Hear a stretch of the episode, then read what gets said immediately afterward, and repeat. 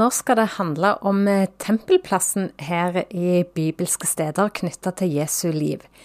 Hvordan kan et sted være hellig for tre religioner? Det er tilfellet med tempelplassen i Jerusalem.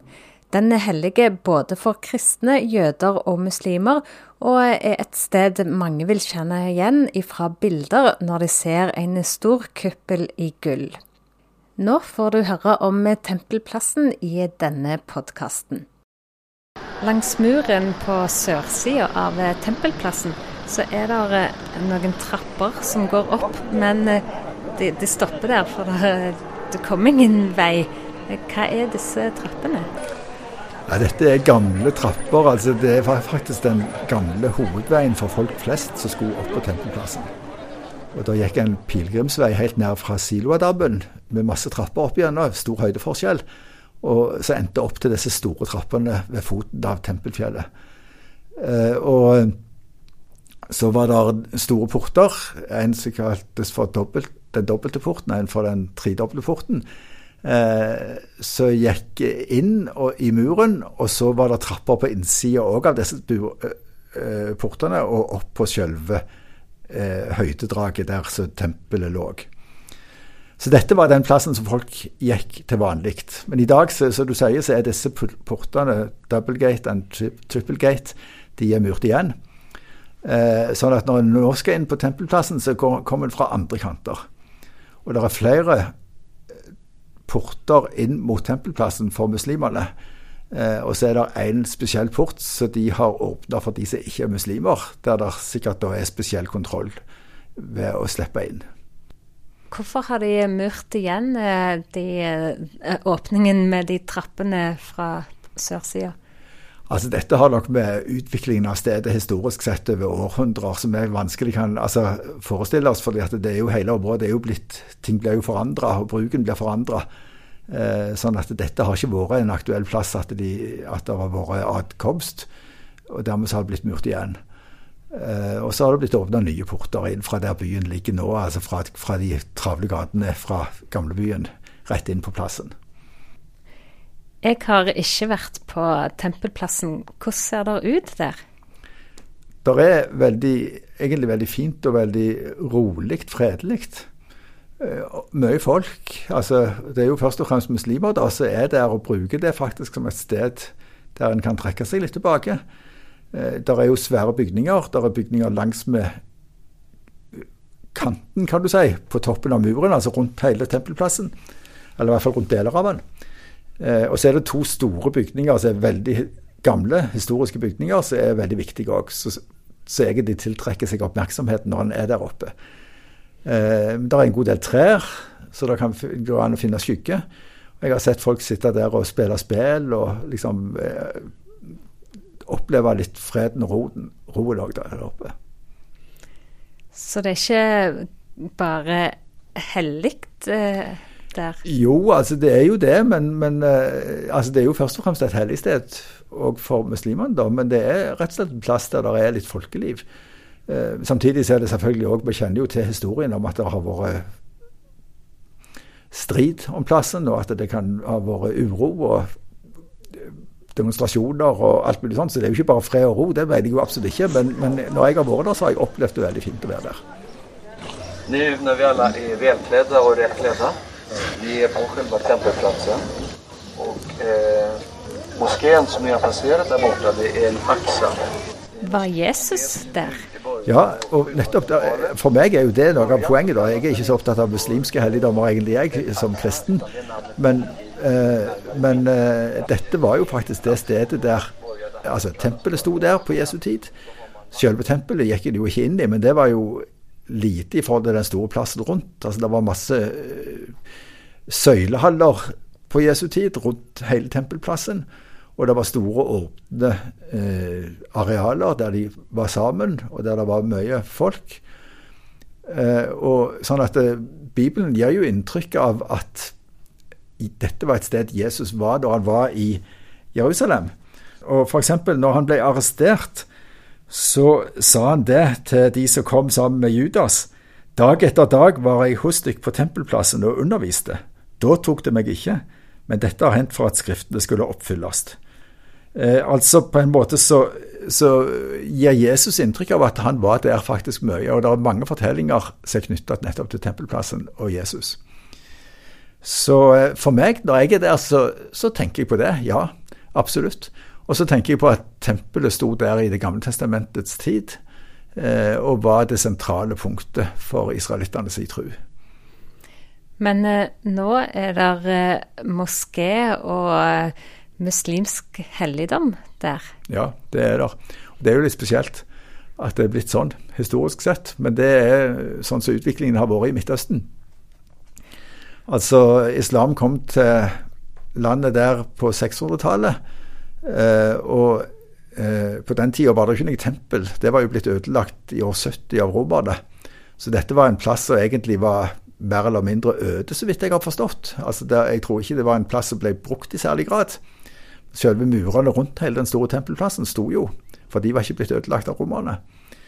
Eh, og så er det altså da en eh, Den første muslimske store bygningen der oppe, det vi kaller for Klippedomen, den ble ferdig allerede i 691.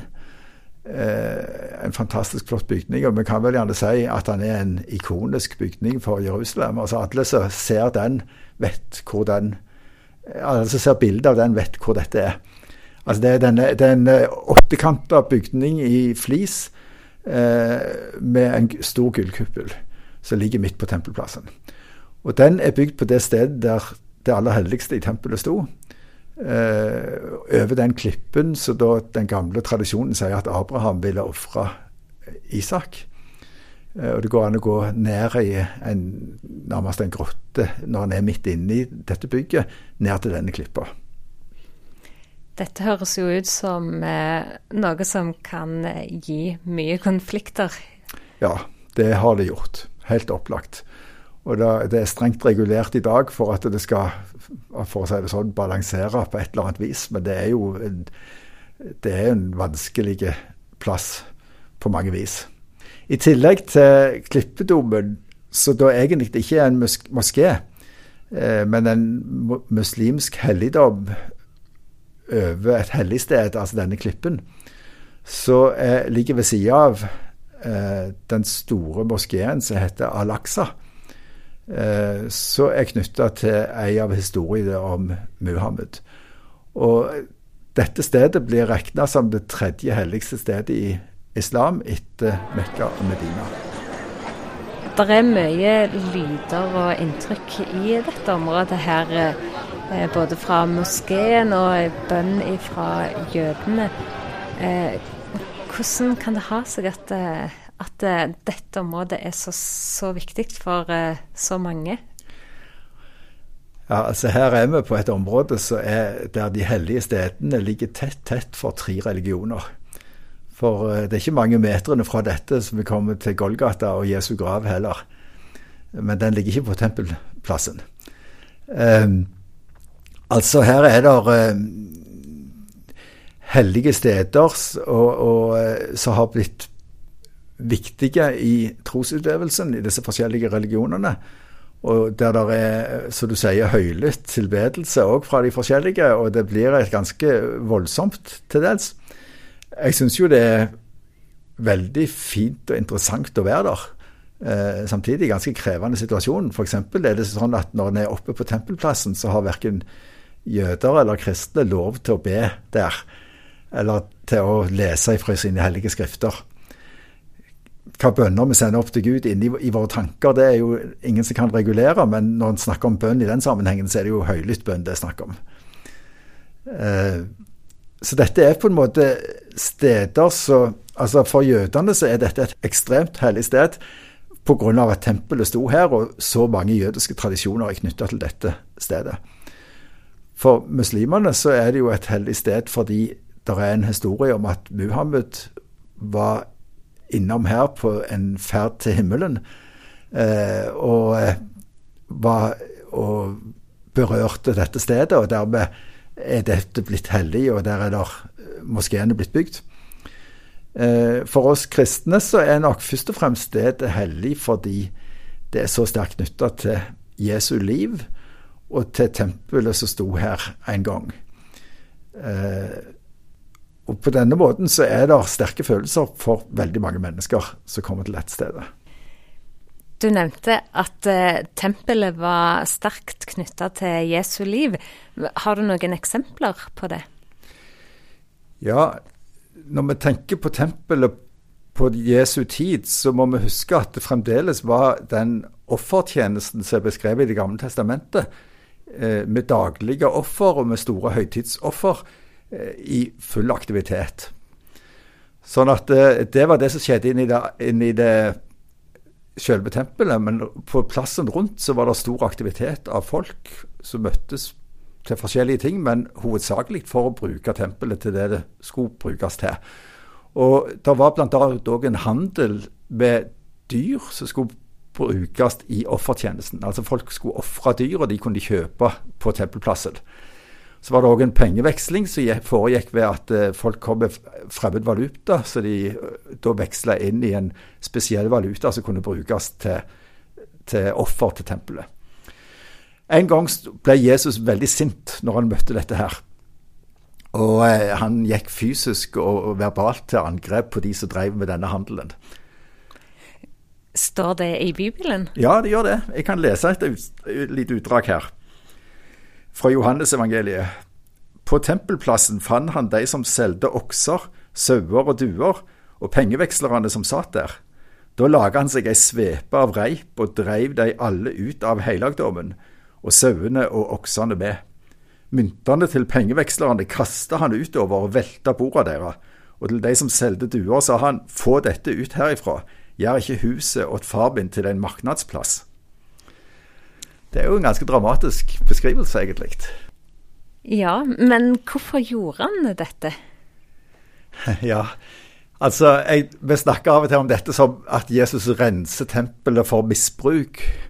Jeg tror nok egentlig det er rettere å se på det som en aksjon fra Jesus' sin side, som på en måte er en symbolhandling eh, som viser at tempeltjenesten og offertjenesten i tempelet, eh, tida for dette er forbi. Eh, og at eh, det Jesus kommer med, avløser denne tjenesten. Hva er det du eh, mener at Jesus kommer med? Når jeg sier det, så tenker jeg på eh, Jesu døde oppstandelse og betydningen av det som en soningsdød for våre synder. Eh, og at eh, eh vi kan faktisk kalle Jesus for det nye tempelet. Eh, ja, han bruker det uttrykket sjøl, nettopp i denne Johannes-teksten. For eh, der han sier det etter denne handlingen, og det blir en litt sånn diskusjon omkring det som har skjedd, så sier han eh, Riv ned dette tempelet, og jeg skal reise det opp igjen på tre dager. Og Så blir det en diskusjon om hva han mente med dette, da.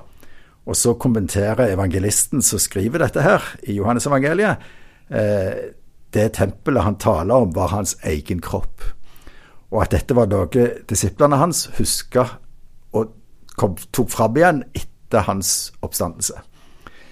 Sånn at eh, jeg tenker meg at eh, det går an å se på Jesu tempelaksjon i perspektiv med, med soneoffer, og at Jesus er den som tar på seg vår synd. Og på den måten er det nye tempelet. Sånn at en trengte ikke lenger å gå til tempelet for å ofre noe? Nei, eh, fra et kristent perspektiv så tenker jeg at eh, vi trenger ikke den tempeltjenesten som består beskrevet i Det gamle testamentet, fordi den er avløst av Jesus som det nye tempelet.